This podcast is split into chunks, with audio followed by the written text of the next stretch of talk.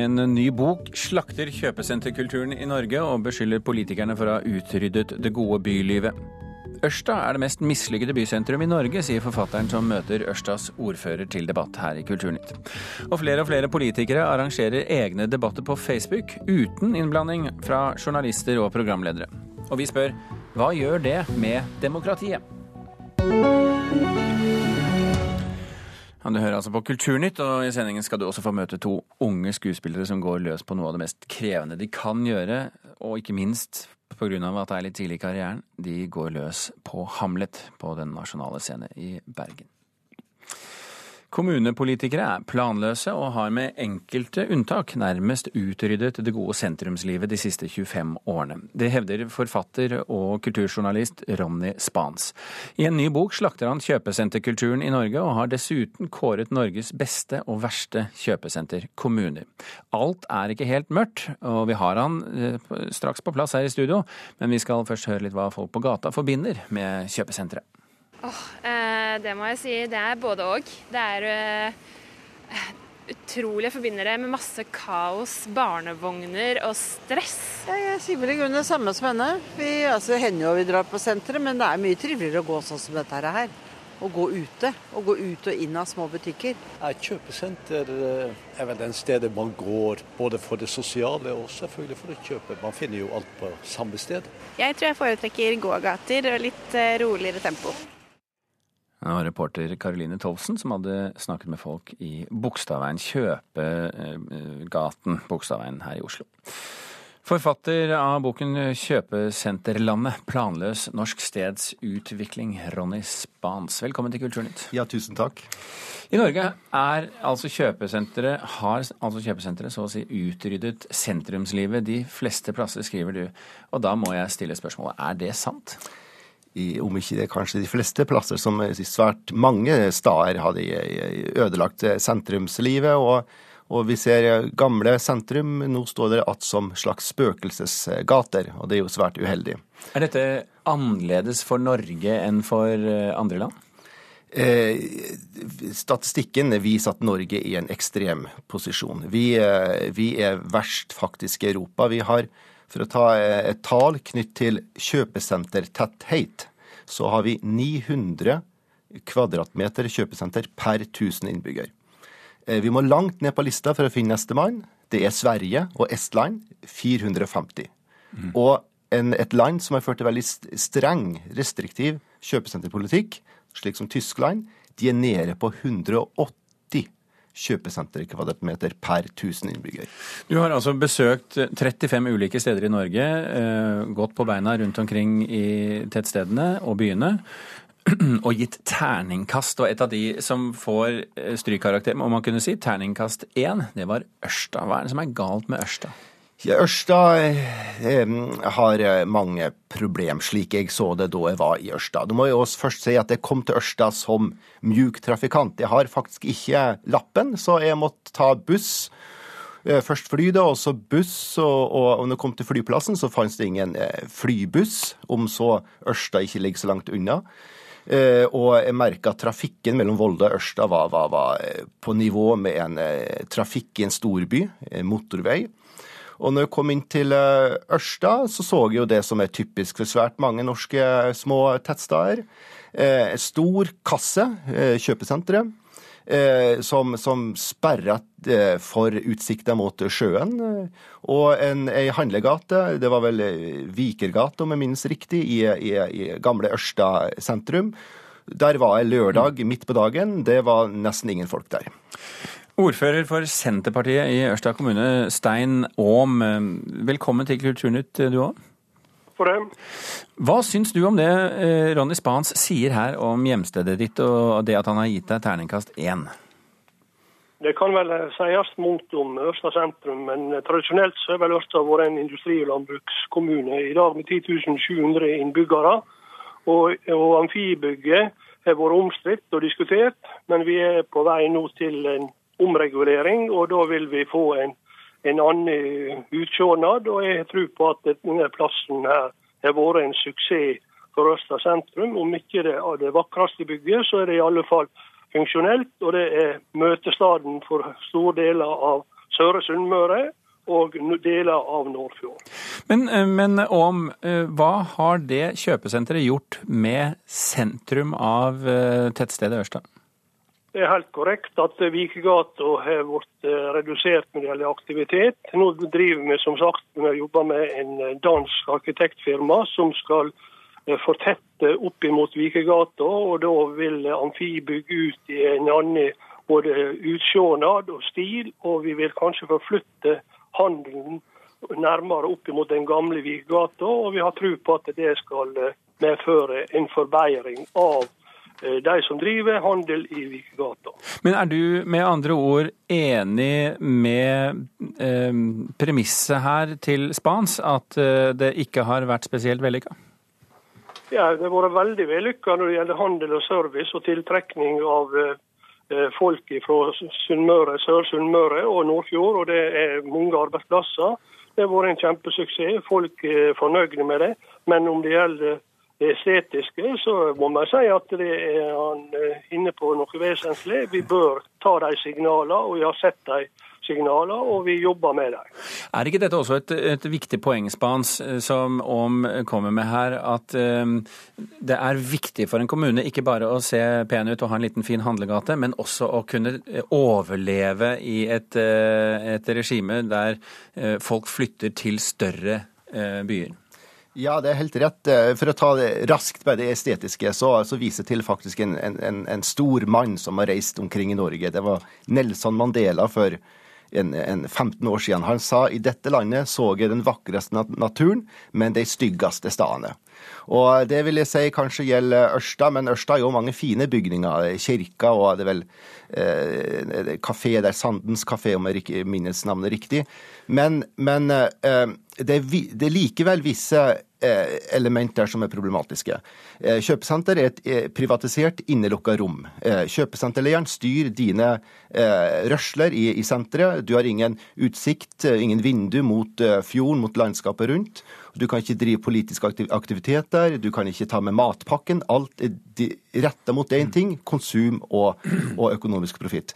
Men når det gjelder kjøpesenter, jeg må bare fullføre her. Der får du være rask. Ja, ja, det, det, det, det gjelder òg større sammenhengen her. Eh, Vold, eh, eh, eh, Ørsta kjøpesenter ligger midt i Ørsta. Men det har utarma Volda sentrum, som ligger bare et par kilometer unna. Der er, ser du nå i Spinneriet, kjøpesenteret der, at eh, butikk etter butikk flytter ut til Ørsta. Og i handlegatene i, i Volda så har hun hatt en del utflytting. Jeg skjønner at du har masse på hjertet, Ronny Spans, og, og, det er interessant, men vi er nødt til å kutte der. Eh, takk for at du var med i Kulturnytt. Takk eh, også til deg, ordfører i Ørsta, Stein Aam. Vi har laget en sak som ligger på nrk.no, som du kan gå inn og se, bl.a. se Spans rundt på Sandvika storsenter i i Bærum. Men da må du gå inn på nrk.no. Vi runder av her på radio.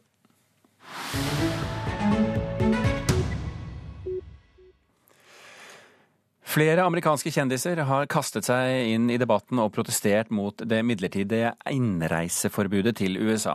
Her hjemme har iranskfødte Aylar Lie sagt at dette kan få betydning for hennes pokerkarriere, men nå er det kanskje noe overraskende, Kim Kardashian West, som har satt nettet i kok, reporter Espen Alnes. Ja, under demonstrasjonene nå på søndag så la hun ut ei Twitter-melding med statistikk over hvor mange amerikanere som har blitt drept av ulike ting eh, hvert år. Og meldinga er ikke direkte retta mot eh, Trump, men det er veldig mange som nå ser på dette som et spark mot eh, presidenten. Hva viser denne statistikken? Ja, Som at 737 amerikanere dør hvert år fordi at de faller ut av senga.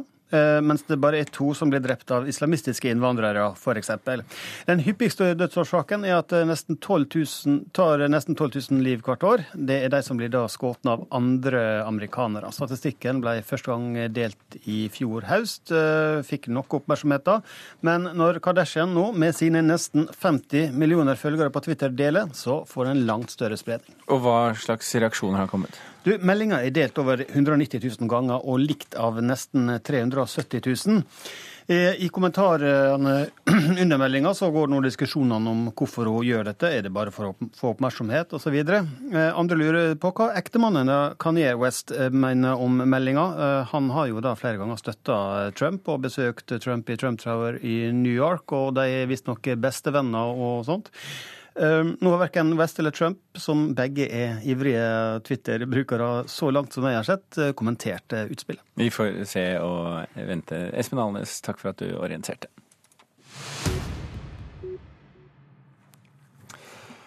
Du har sikkert eh, sett det, eller hørt det. Norske politikere har begynt med sine egne TV-sendinger på Facebook. Der får de uforstyrret av plagsomme journalister med kritiske spørsmål, i eget tempo fortelle om og forklare egen politikk. Spørsmålet er er dette et nyttig supplement i mediebildet, eller er det et fenomen som er med på å gi en bransje i krise nye skudd for baugen? Hjertelig velkommen skal dere være til direktesending på Facebook. Akkurat nå sitter jeg klar i statsministerboligen sammen med statsministeren. Og vi skal straks sende direkte herfra, hvor du kan stille spørsmål direkte til Erna. Så jeg utfordrer deg til Facebook Battle Live på Høyres eh, Facebook-side. Og hvis du ikke ønsker å møte meg i debattstudio hos NRK eller TV 2, kan vi jo ta det her på Facebook, som er din foretrukne kanal. Men nå skal de få lov til å svare deg på de spørsmålene du har. Det var veldig bra. Det var kult. Mye bedre uten programleder. Ja, det. Mye bedre uten programleder. Her hørte vi altså Erna Solberg, Bent Høie, Abid Raja og Sylvi Listhaug i en eh, liten sammenklippet reportasje. I kveld er det tema under debatt arrangert av Stortingets presselosje, men vi skal tjuvstarte litt her i Kulturnytt med Hege Ulstein, kommentator i Dagsavisen, og Espen Teigen, rådgiver for innvandrings- og integreringsminister Sylvi Listhaug. Velkommen begge to. Mange takk. Takk for det. Teigen, du og Sylvi Listhaug har eh, flere ganger hatt livesendinger på Facebook, eh, hvor dere lar da seerne komme med spørsmål de ønsker svar på. Hvorfor gjør dere dette? Eh, vi mener jo det at det ikke skal være forbeholdt journalister eller folk i medie, mediebransjen å stille spørsmål til en statsråd. Og vi lever i en tid hvor det lenger, ikke lenger er sånn at man må fysisk møte hverandre for å kunne stille spørsmål og ha en dialog. Så det har vært viktig for oss å ha livesendinger som gjør at folk kan komme direkte med spørsmålene sine. Og det er jo både kritiske spørsmål og positive ladda spørsmål. Ja. Men hvor øh, kritiske på hvilken måte da?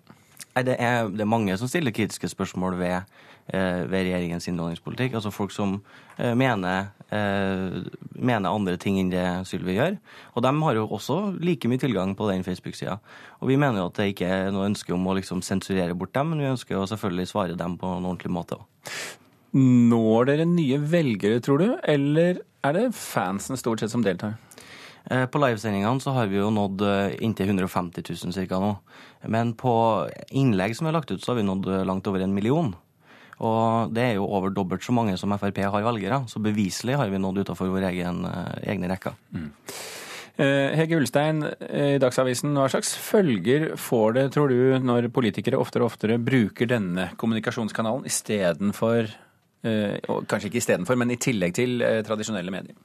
Mm, ja, Problemet oppstår jo først og fremst hvis det blir for mye istedenfor. At, eh, at politikere ønsker å ha sine egne kanaler ut til velgerne i tillegg til massemediene. Det er jo ikke noe nytt fenomen. Sånn Tillegg er greit, men istedenfor er ille? Men eh, det som, eh, det som, er et potensielt problem, og som er i ferd med å bli et reelt problem også, er jo at man, at man prioriterer denne typen kommunikasjon og velger bort tradisjonelle medier. Altså det var ikke vi skal ikke lenger tilbake i tid enn nå i helga, hvor eh, fremtredende Frp-politikere sa at de ønsket å boikotte en navngitt avis, Nordlys. Eh, landets justisminister sier at eh, kaller den for Pravda og sier at ikke de ønsker å forholde seg til den avisen. ikke sant? Og da, da har vi et problem, fordi profesjonelle medier, redigerte medier, som eh, opererer som, som, en kritisk presse, er en helt grunnleggende kjernepunkt i et, i et demokrati. og I det øyeblikket vi ikke har det, og at politikerne isteden kommuniserer direkte med velgerne på sine egne premisser uten å få de eh, kritiske spørsmålene som det er vår jobb å stille, og som vi har betalt for å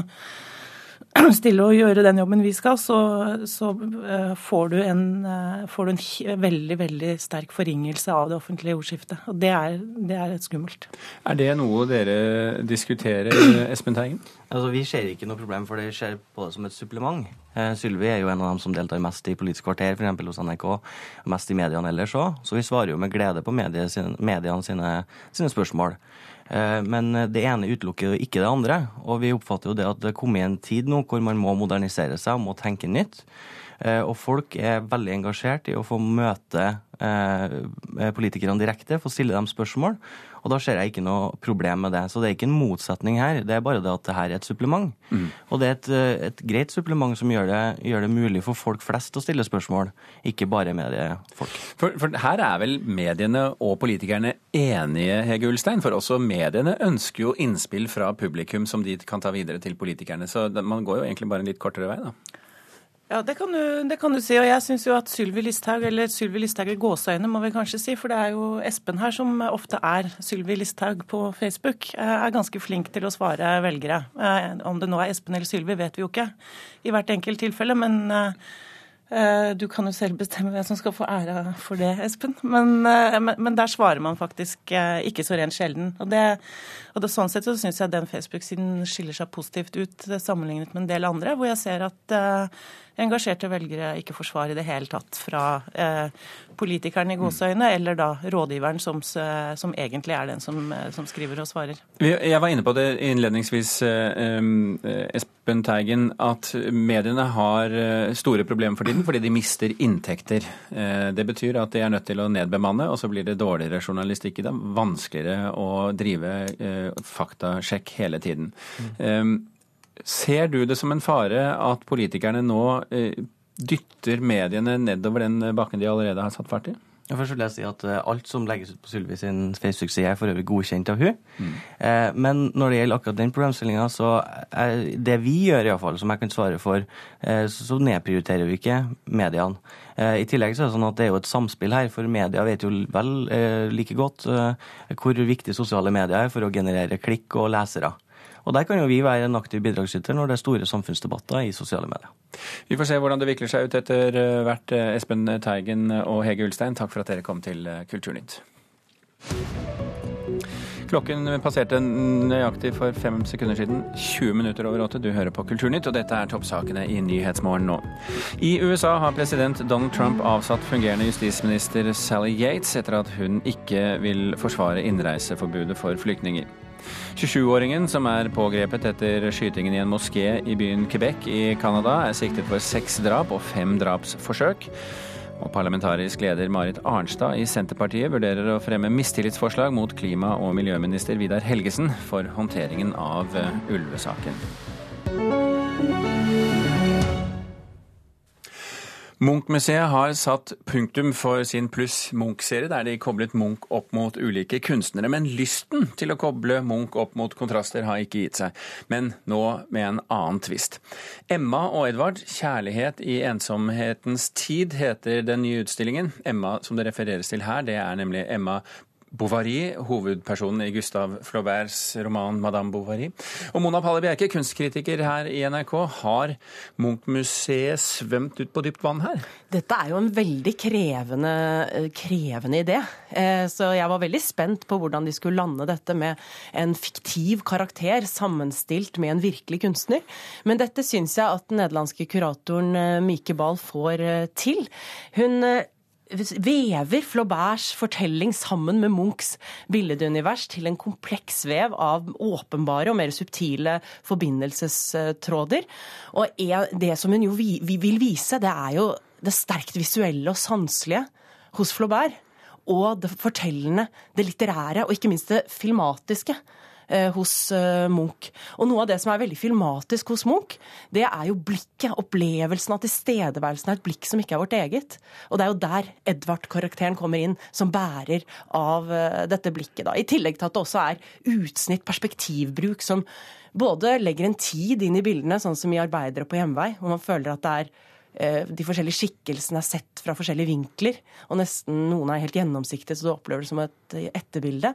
Men også galopperende hest, dette veldig kjente bildet med hesten i et sentralperspektiv, hvor du føler at hesten nesten kommer ut av motivet. Men det er ikke til å komme bort fra at Emma Bovary er jo bokstaver ja. på et papir. Ja.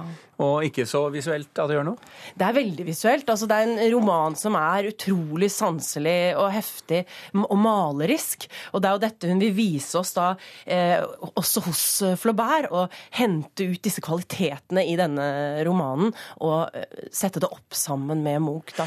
Men, men Mikke Ball hun er jo kjent for å gjøre svært ukon ukonvensjonelle og innovative eh, lesninger av kanoniserte kunstnere, eh, derav Munch, da.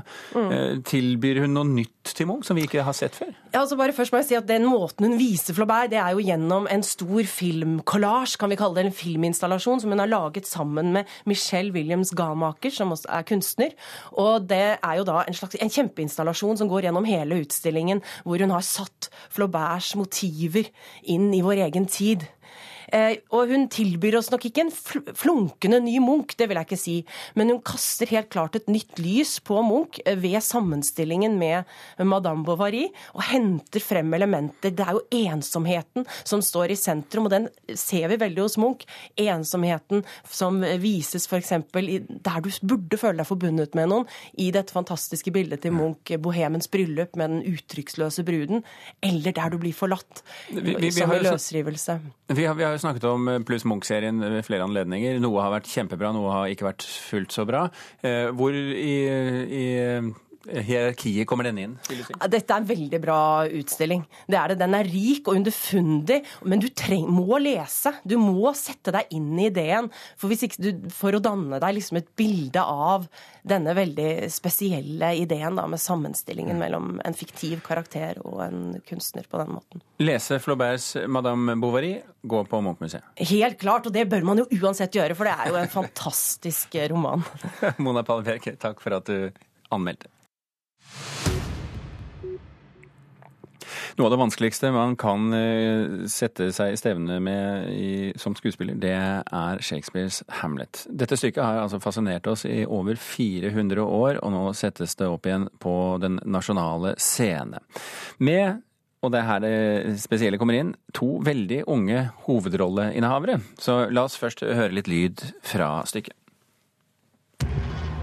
En Hamlet. Du glemmer hvem jeg er.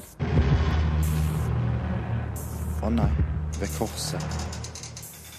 Du er dronning og viet til din ektemakes bror. Og gi du ikke var. Du er min I vårt studio i Bergen eh, så sitter både Hamlet og Ofelia, eh, nærmere bestemt Preben Hodneland og Stine Robin Berg Hansen. Velkommen begge to. Tusen takk. Tusen takk, ja. Du har vel akkurat rukket å bli 30, Preben. Stine, du er 27, så vidt jeg vet. Eh, Det er veldig tidlig å få disse rollene. Ja. Det er kanskje det, men Hamlet i originalmanuset er jo rundt 30 år, så jeg tenker det må jo være topp at, at man ikke er eldre enn det.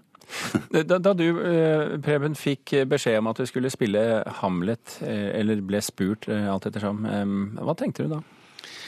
Da tenkte jeg eh, hjelp først, og så tenkte jeg yes, dette her eh, dette har jeg veldig lyst til. Det gleder jeg meg til. Ja, for, for dette er jo en rolle som eh, ofte tilfaller eh, teatrenes eh, toppskuespillere, og gjerne de med litt eh, pondus og erfaring. Eh, eh, hvordan blir din Hamlet, tror du? Eh, ja, de sier jo det at eh, man spiller ikke Hamlet, men det er Hamlet som spiller deg. Eh, og jeg vet ikke, jeg tror det blir veldig Det blir nok veldig meg, og så får folk like det eller ikke. Hvem er du i så måte? Ehm, ja, hvem er jeg? Nei Du la den i munnen på meg, du vet Ja, det. jeg gjorde det. jeg gjorde Det Det var vanskelige spørsmål. Nei, men, men eh, jeg tror eh, altså Stefan Larsson, som, som har regi på dette her, han baserer liksom hele Sånn som når vi driver og jobber på scenen, så, så fokuserer han på alle impulser som, som jeg gir han, og så bygger vi sammen denne Hamlet-karakteren. Mm. Eh, Stine Hansen, eh, Ofelia er jo ikke akkurat en eh, emosjonelt stødig person. Hvordan blir det å spille henne? Det blir veldig utfordrende. Hun er jo i utgangspunktet ei jente som er i opposisjon, i hvert fall i vår versjon av Hamlet, som da blir diktert og følger strømmen og ja, velger jo ikke det hun gjør, men eh, hører på de høyere maktene som bestemmer over henne. Eh, Du gikk jo ut av Teaterhøgskolen for knappe to år siden. Mm. Um, har spilt eh, Tonje Glimmerdal og En julefortelling. Det er jo barne, teater. Dette må vi jo kunne si skiller seg ganske grovt fra det? Det gjør det absolutt. Det er jo noe helt annet å spille i et djupt psykologisk drama, og så er det Shakespeare i tillegg. Så det er veldig deilig å få bryne seg på dette her. Men hvordan jobber dere nå uh, for å gjøre dette, som jo tross alt er et 400 år gammelt stykke, uh, relevant, eller hvordan vise at det er relevant for vår tid? Ja, altså, først og fremst så har vi jo en estetikk som er ganske moderne. At vi holder oss langt vekke fra, fra den tida det ble skrevet og gitt ut på. Um, men utover da så merker vi jo at det er jo det er ekstremt relevant. Bare sånn vi står opp i dag og du leser avisene. og Det har jo aldri vært lettere å si replikken at det er noe råttent her i, i verden. Mm. um, så um, vi forholder oss jo veldig til uh, den originale, uh, litt sånn konservative teksten, men den får en veldig det er, det er veldig universelt, altså, den, den, tematikken som man tar opp. Så man føler det smeller veldig i vår tid. Ja, det er et bilde på den eh, ubalansen i det sosiale samfunnet vårt. Mm. På hvilken måte? Um, det er politisk uh, korrupsjon. Um, det handler om uh, likestilling, eller mangel på det. Uh, ja, det er både Makt er vel også sentralt inni her? Absolutt. Mm. Du nevnte det så vidt, vi, nå er vi begynner å få kort tid her, men eh, vi har lyst til å spørre likevel. Eh, du nevnte Stefan Larsson så vidt, det første stykket svensken setter opp i Norge. Hvordan har samarbeidet med han vært? Ja, det har vært utrolig fint. Han er, han er så rolig og, og avbalansert type, og vi har det så fint på jobb. Så det har vært helt fantastisk. Nei, er du enig, Stine? Absolutt, jeg er veldig enig. okay. Eh, Preben Hodneland og Stine Robin Berg-Hansen, det er altså Hamlet som skal opp på den nasjonale scene i Bergen. Tusen hjertelig takk for at dere var med i Kulturnytt. Kulturnytt runder nå av. Stine Tråholt har vært produsent. Birger Kolser Jåsund har sittet her i studio. Ha det fint.